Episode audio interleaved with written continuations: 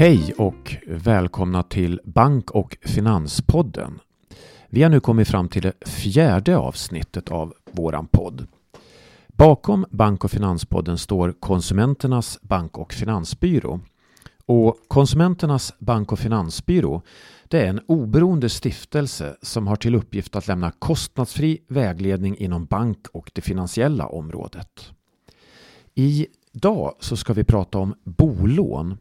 Och bolån det är ett väldigt stort och omfattande område så att det här kommer att behöva bli flera avsnitt. Men i dagens inledande avsnitt så ska vi prata om bolånetaket och vi ska prata om amorteringskravet.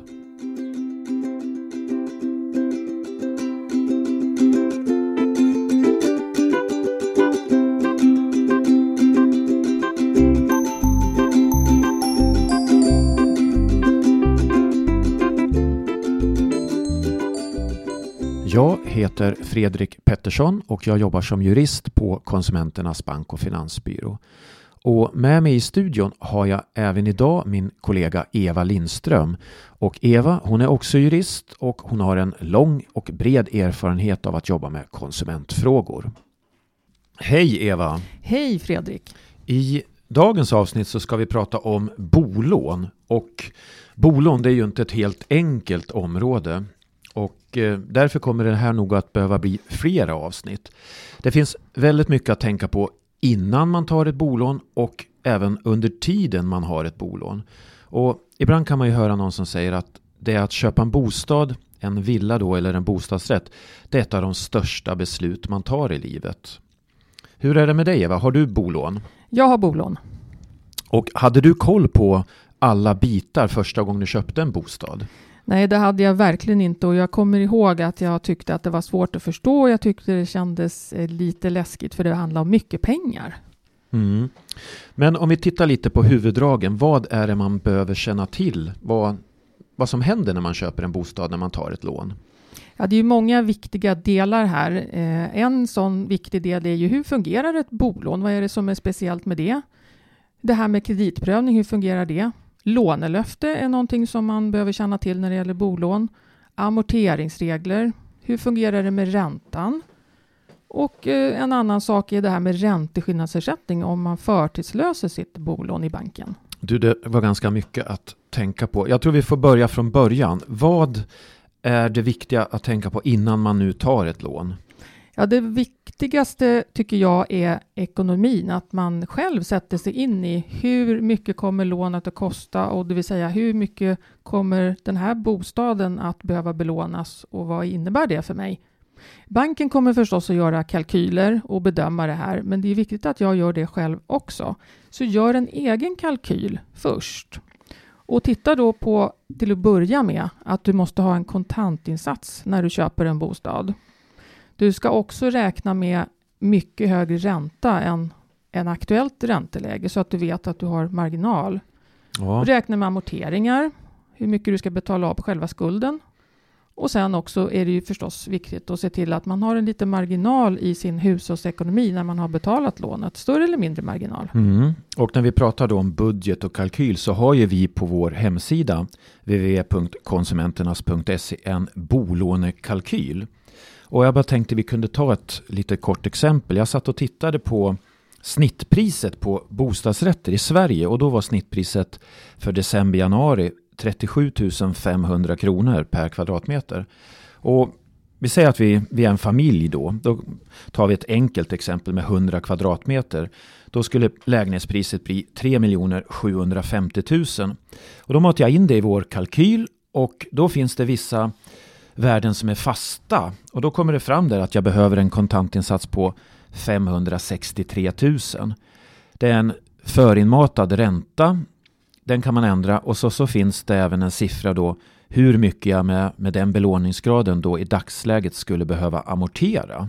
Så att det, man får fram väldigt mycket bra information. Mm, visst är det så. Och då kan du ju sedan ändra alla de här uppgifterna och laborera med lite olika priser, olika räntor, olika amorteringslägen, olika kontantinsats framför allt och se vad hamnar du då på för kostnad. Mm. Men då har man gjort en liten kalkyl och vi har koll på budgeten att man kanske har råd. Vad är det viktigt att tänka på då? Eh, det är viktigt också att sätta sig in i hur det här fungerar med ett bolån. Vad är de viktigaste villkoren om räntor och amorteringar och så vidare så att man vet det innan. Mm. Och det är ju inte alla som läser villkor. Jag pratade en gång med en bolånehandläggare som jag träffade på en kurs.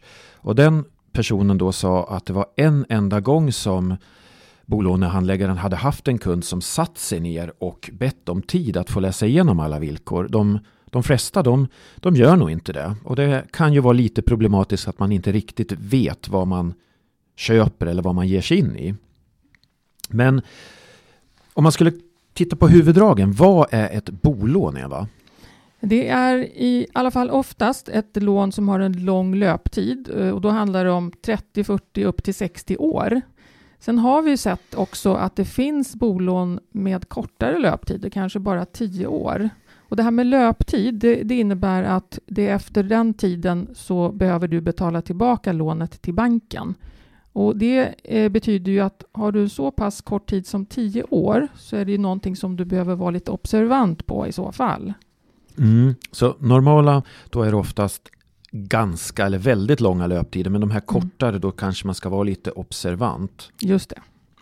Det andra eh, som är specifikt för bolån, det är att man sätter bostaden som säkerhet för lånet. Man pantsätter eh, eh, bostaden hos banken. Och hur går det till egentligen när man pantsätter bostaden? Då eh, är det, om det är ett hus eller en fastighet, då tar man ut pantbrev som man eh, lämnar till banken. Numera gör man ju inte det i pappersform, utan det är digitalt. Är det istället en lägenhet, en bostadsrätt, då finns det inga pantbrev där, utan då blir den här pantsättningen eh, giltig genom att man meddelar bostadsrättsföreningen där man köper lägenheten att den är pantsatt och sen skriver de in det i sitt lägenhetsregister. Mm. Du nämnde pantbrev, att man behöver det när man köper en, en villa eller en fastighet. Vad betyder pantbrev? Pantbrevet är ett bevis på att man har gjort en inteckning i fastigheten, kallas det för. Eh, och de här inteckningarna de registreras i ett fastighetsregister som Lantmäteriet har hand om. Mm. Kostar det någonting att ha pantbrev? Ja, det gör det. Om du tar ut ett nytt pantbrev, om det behöver ta ut nya och det inte finns tidigare pantbrev redan i fastigheten, då kostar det 2% på pantbrevsbeloppet. Det vill säga det kan vara en ganska stor kostnad. Säg att eh, pantbrevet är på en miljon. Då kostar ju det bara pantbrevet 20 000 kronor. Mm. Så där har vi ju en till kostnad att vi, vi måste tänka på en kontantinsats att eventuellt tillkommer en kostnad för pantbrev och sen har man ju även andra avgifter som lagfart men det, det går vi inte in på nu. Har du något mera? Hur fungerar själva bolånet då i stora drag? Ja, som sagt så är det ju en lång löptid, men eh, den eh, löptiden delas in i eh, till exempel räntebindningsperioder. Det vill säga, man bestämmer som kund om man vill binda räntan på kortare eller längre tid. Och det som finns idag på marknaden det är allt ifrån tre månader och upp till tio år som man kan binda räntan. Eh, sen kan också bolånet vara, till skillnad från andra lån, konsumtionslån, amorteringsfria. Det vill säga man betalar inte av på själva skulden till banken. Eh, det är ju aldrig vanliga lån som sagt. Numera har vi ju regler om amorteringskrav som vi alldeles strax ska prata om, så att det blir nog min mindre vanligt nu med amorteringsfria bolån. Mm. Men man har alltså bindningsperioder för räntan då från tre månader ända upp till tio år. Mm. Och tidigare så fanns det helt rörlig ränta, men det tror jag inte det är någon långivare som har idag. Inte vad vi vet, nej. nej. Då kommer man till frågan, hur mycket kan jag få låna? Eh, ja, då finns det dels eh, principer som bankerna själva har för hur mycket de kan tänka sig att låna ut. Exempelvis att de lånar ut fem eller sex gånger konsumentens inkomst. Men sen finns det också regler för eh, hur mycket banken får låna ut i förhållande till vad bostaden kost kostar och då är det det så kallade bolånetaket. Eh, och i praktiken, hur mycket jag sen kan låna i, kron i kronor det beror ju på kreditprövningen som banken gör. Mm, så då tittar man egentligen bara på den disponibla inkomsten i kreditprövningen? Just precis. Ja, och det är ju, jag bara flikar in ett exempel från den vägledning när vi får från konsumenter att här kan det ju vara ett problem med exempelvis pensionärer då eller äldre personer som har en låg pension. Man kan ju sitta på en i princip obelånad fastighet, fastighet värd väldigt mycket pengar. Men om man sen vill göra ett lån för att renovera, ja då klarar man inte den här kreditprövningen och då får man inte låna. Nej, det stämmer. Du nämnde bolånetaket. Kan du inte berätta lite mer om det?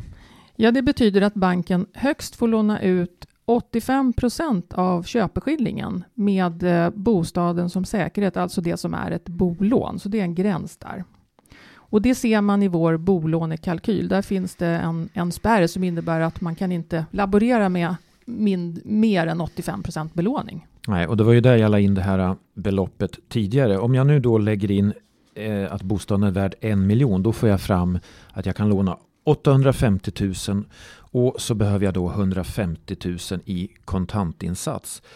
Om jag inte har 150 000 kontant eller på banken, hur gör jag då? Kan jag ta andra lån än bolån?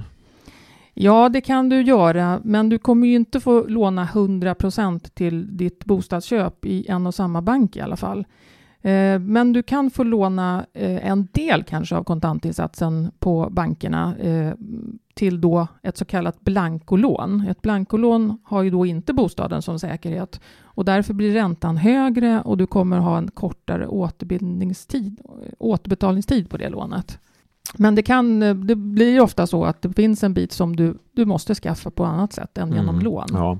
Och hade vi det här exemplet på snittpriset är på 37 500 kvadratmeter då är det ju över en halv miljon som man måste ha kontant. Så att eh, det är ju inte helt enkelt att köpa en bostad om man inte har sparade medel. Nej. Sen kom vi fram till det här du nämnde amorteringskravet nu. Vad är, är det? Kan du inte berätta lite? Ja, det är då tvingande regler som innebär att banken i vissa lägen eh, måste kräva att kunden amorterar på sitt bolån. Eh, och då finns det två amorteringskrav. Det första började gälla i juni 2016 eh, och sen är det ett som kommer att gälla från 1 mars 2018. Och det första handlar om hur stort lånet är i förhållande till bostadens värde eller pris. Och det andra amorteringskravet, det handlar om hur stort lånet är i förhållande till din inkomst. Mm. Så det första amorteringskravet, det gäller ju nu då från 1 juli 2016 och det andra kommer. Mm. Men vad innebär det första amorteringskravet? Ja, då, då pratar man om belåningsgrad och, och eh, regeln är då att om ditt lån är mellan fem, har en belåningsgrad på mellan 50 och 70 procent av värdet på din bostad som du köper, då måste du amortera 1 på lånet varje år. Har du en belåningsgrad över 70% då amorterar du 2 per, på lånet varje år. Mm. Och det här måste man göra? Ja, det är tvingande krav som bankerna måste se till att de följer. Mm. Och det här kommande amorteringskravet i, i stunden nu när vi spelar in så har det ju inte trätt i kraft än. Vad innebär det? Då pratar man om skuldkvot, alltså eh, lånet i förhållande till din inkomst. Och gränsen då är satt vid att eh, om lånet är större än 4,5 gånger din inkomst, då ska du amortera 1% på lånet varje år. Pratar vi brutto eller nettoinkomst då? Då pratar vi bruttoinkomst. Mm, så före skatt? Före skatt, ja. Mm.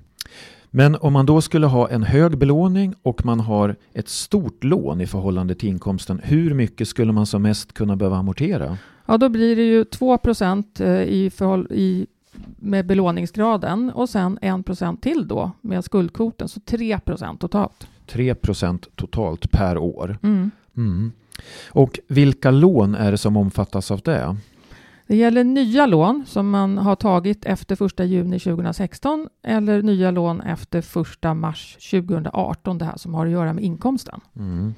Men vi säger nu att jag har strax över 70 procent i belåningsgrad och sen amorterar jag ner. Vad, vad händer då? Mm. Om du har över 70 procent belåning och sen amorterar du av på ditt lån så att du hamnar under 70 procents gränsen, ja då minskar ditt amorteringskrav från 2 procent till 1 procent per år. Ja, och det kan ju ta väldigt lång tid kanske att komma ner under. Finns det något annat sätt som man snabbare skulle kunna komma ner i amorteringsgrad? Ja, det finns möjlighet att göra en omvärdering av bostaden. Eh, ofta kan det ju vara så att bostäder eh, ökar i värde och då kan man få räkna om den här belåningsgraden, alltså lånet i förhållande till vad bostaden är värd. Men det får man bara göra vart femte år.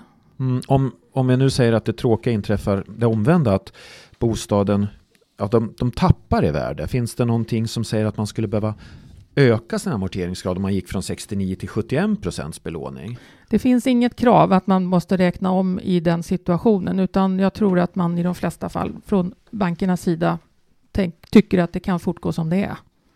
Ja, och sen finns ju även en till möjlighet som det står i de här reglerna att man kan sänka amorteringskravet om man bygger om bostaden. Hur, hur omfattande måste en sån här ombyggnad vara? Ja, det finns inga procentsatser. Man pratar om att det ska vara en omfattande renovering eller tillbyggnad som avsevärt ändrar värdet. Och, eh, ett exempel på vad som inte är tillräckligt i alla fall, det är att man renoverar ett badrum, ställer in bergvärme eller renoverar ett kök. Det räcker inte för att man ska kunna få göra en sån här omvärdering. Men det är banken här som får bedöma om det är väsentligt eller inte. Mm. Och det här har vi ju inget facit på just nu, utan det, det blir lite från fall till fall hur banken bedömer det. Mm. Sen skulle det kunna vara så att jag, jag har ett befintligt bolån, men jag vill utöka det. Jag vill ta ett tilläggslån. Vad händer då? Om du tar ett tilläggslån så att du då hamnar över 50% belåning, då utlöser det de här amorteringskraven. Och varför gör de det? Jo, det gör det för att det räknas då som ett nytt lån. Alla de här amorteringskraven, eller båda amorteringskraven, handlar ju om att du tar ett nytt lån och tilläggslån innebär då att lånet räknas som nytt. Men då finns det två alternativ eh, för att det utlöser amorteringskravet, vilket som ett alternativ betyder att du får börja amortera på hela ditt lån, alltså den gamla delen plus den nya tilläggsdelen. Eller så kan man istället amortera bara på tilläggslånet. Men då gör man det i så fall på tio år, det vill säga då får du amortera 10% per år på tilläggslånet. Mm. Så om man vill amortera antingen på hela lånet eller på bara tilläggslånet så får man nog själv sätta sig och, och kalkylera vad som blir fördelaktigast. Mm. Det är ju alltid ett sätt att spara att amortera men, men här då vad blir den högsta månadskostnaden? Det, det får man helt enkelt titta på. Sen får vi även frågor från konsumenter som kanske vill byta bank. De, de får ett ränteerbjudande av en annan bank. Och om lånet är amorteringsfritt i gamla banken, blir det även amorteringsfritt i den nya?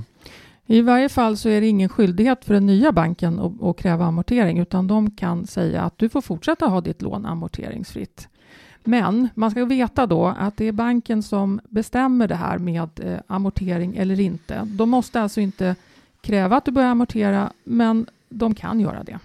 Så det är ett krav för banken att kräva amortering. Men det är ingen rättighet för mig som konsument då att säga att jag inte vill amortera. Nej, det stämmer. Ja, och sen finns det ett annat undantag från amorteringskravet. Det är ju när man köper en nyproducerad bostad. Kan banken ändå kräva amortering fast det i reglerna står att det är ett undantag? Ja, det kan de göra enligt sin egen amorteringspolicy. De får medge amorteringsfritt i upp till fem år när det är nyproduktion, men de måste som sagt inte göra det. Mm, så det är bra att jag har på pappret om jag säger så då, hur banken ser på det här innan jag skriver kontrakt. Ja, ställ alltid frågan. Mm. Då kommer vi till det här nya amorteringskravet som kommer att gälla från den 1 mars 2018. Hur fungerar det? Det fungerar så att eh, det gäller då hur stort ditt lån är i förhållande till din inkomst, det vill säga det här med skuldkvot eller skuldkvotstak brukar man prata om ibland. Skuldkvotstak, ja, vad är det som gäller då? Ja, då gäller det att om din, ditt lån är mer än 4,5 gånger större än din inkomst, då utlöser det här amorteringskravet och då amorterar du i så fall 1% på lånet per år om du ligger mm. över skuldkvoten. Okay. Skulle du kunna ge ett snabbt exempel? Ja, om vi säger att du har ett lån som är på 2 miljoner kronor och din inkomst är 400 000 då måste du amortera enligt de här skuldkvotsreglerna eftersom det lånet är då fem gånger större än din inkomst. Mm, här säger du inkomst. Vad, vad var det vi menade med inkomst då? Jo, då menade vi bruttoinkomst och då, det man tittar på är bruttoinkomsten enligt senaste deklaration. Eh, och är det så att man är två låntagare, då, då lägger man förstås ihop de båda låntagarnas bruttoinkomst och räknar med den. Mm, Okej. Okay. Och vilken skuld är det man räknar på när man räknar ut det här skuldkvotstaket? Ja, till att börja med är det ju förstås det nya lånet som man tar, men dessutom så ska man räkna in om man har tidigare bolån. Säg att du exempelvis har ett fritidshus som du har ett lån på. Då räknas skulden på fritidshuset ihop med det nya bolånet som du tar. Ja, det är ju lite att tänka på så att det inte bara belåningsgraden på, på den nya bostaden eller den man håller på att köpa som räknas. Nej, just det. Då sa vi att det var deklarationen, den inkomsten som var enligt den. Men om man nu har fått en ökad inkomst, man kan ha bytt jobb eller gått upp i tjänst eller så. Vad händer då? Mm, just, det kan ju ha gått en tid sedan senaste deklarationen. Då får man räkna på den nya inkomsten. Eh, och det ska då vara varaktig och säkerställd som det står i de här reglerna. Eh, och man kan ju behöva visa ett arbetsgivarintyg till exempel då till banken att man verkligen har den här inkomsten. Men även här är det ju banken som får göra bedömningen om de tycker att den här nya inkomsten som du visar upp då är tillräckligt säkerställd. Mm. Det är ganska komplicerade amorteringsregler eller regler överhuvudtaget för bolån. Mm, de är rätt krångliga tycker jag också. Eh, både det här att bestämma inkomsten enligt deklaration och sen eventuellt tillägg på det och sen storleken på skulden eftersom man inte bara räknar på det nya lånet utan också tidigare lån. Får man räkna om skuldkvoten om man till exempel får en högre inkomst? Ja, eh, är man låntagare så ska man när som helst kunna begära att banken räknar om den här skuldkvoten. Och det kan ju vara som vi pratar om högre inkomst. Det kan ju också vara det att skulden faktiskt har minskat, man har amorterat av. Eller att det kommer till en låntagare till så att man är två låntagare på samma lån. Ja, Okej, okay. så där har man i varje fall en möjlighet att få, få ner den. Mm. Mm. Då har vi egentligen pratat lite om det här äh, bolånetaket, vi har pratat om amorteringskrav. Skulle vi inte kunna sammanfatta lite vad vi har äh, kommit fram till idag, Eva? Ja, de här reglerna som äh, är bra att ha kännedom om, det är ju dels det här med bolånetaket, det vill säga att man får högst låna 85 procent av köpeskillingen av banken när man sätter bostaden som säkerhet för lånet. Och sen är det amorteringskravet, eh, kraven. Det ena då belåningsgrad över 50 procent. Eh, då amorterar man på lånet en eller 2 procent per år. Och sen det nya amorteringskravet som dessutom kommer till då, eh, som har att göra med skuldkvoten. Har man då ett lån som är större än 4,5 gånger bruttoinkomsten så får man amortera 1 procent på lånet. Mm. Ja, men det där är ju ganska tydligt, Eva. Och då är det så här att nu har vi kommit fram till att man vet i princip hur mycket man måste ha i kontantinsats. Vi vet om vi kommer att behöva amortera. Vi har tittat på inkomsten. Och i nästa avsnitt så ska vi då prata om hur man fortsätter processen med att köpa en bostad och hur man lånar till köpet. Då kommer det bland annat handla om själva kreditprövningen och även det här med lånelöftet. Har du någonting att säga om det, Eva? Ja, där är det också en del att eh, hålla reda på och känna till innan. Särskilt det här med lånelöfte har ju vi eh, förstått i vår telefonvägledning och när vi svarar på mejl att det kan verkligen bli problem med lånelöfte, att man inte får lånet sen som man har tänkt sig. Så där är det bra att veta vad som gäller. Mm. Men i nästa veckas avsnitt alltså kreditprövning och lånelöfte och tills dess så ha det bra. Hej! Och tack för idag Eva. Tack för idag Fredrik. Hej då. Hej då.